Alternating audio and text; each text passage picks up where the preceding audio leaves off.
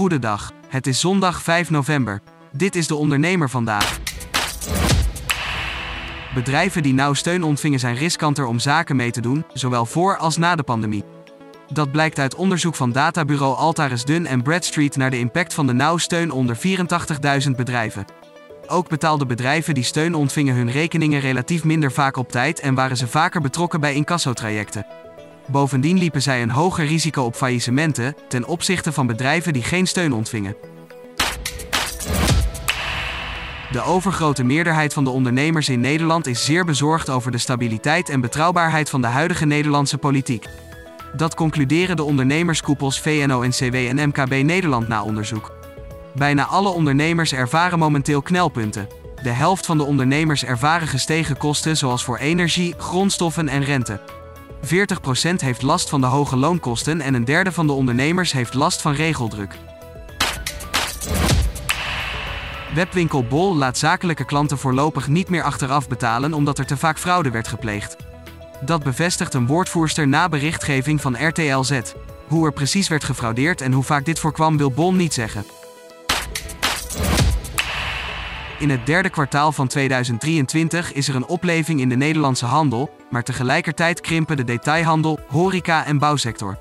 Dat blijkt uit een analyse van bedrijfsdata-specialist Altaris Dun en Bradstreet. Het aantal faillissementen vertoont een stijgende trend, maar vooralsnog is er geen sprake van een grootschalige crisis in dit opzicht. Als je denkt dat adverteren de enige manier is om nieuwe klanten te werven voor jouw bedrijf, dan kom je bedrogen uit. Neuromarketeer Vincent van Letto schetst in zijn expertblog voorbeelden waarbij jouw marketingbudget niet wordt gestoken in advertenties, maar die toch zorgen voor nieuwe omzet. Lees zijn expertblog op deondernemer.nl. Tot zover de ondernemer vandaag. Wil je meer? Ga naar deondernemer.nl.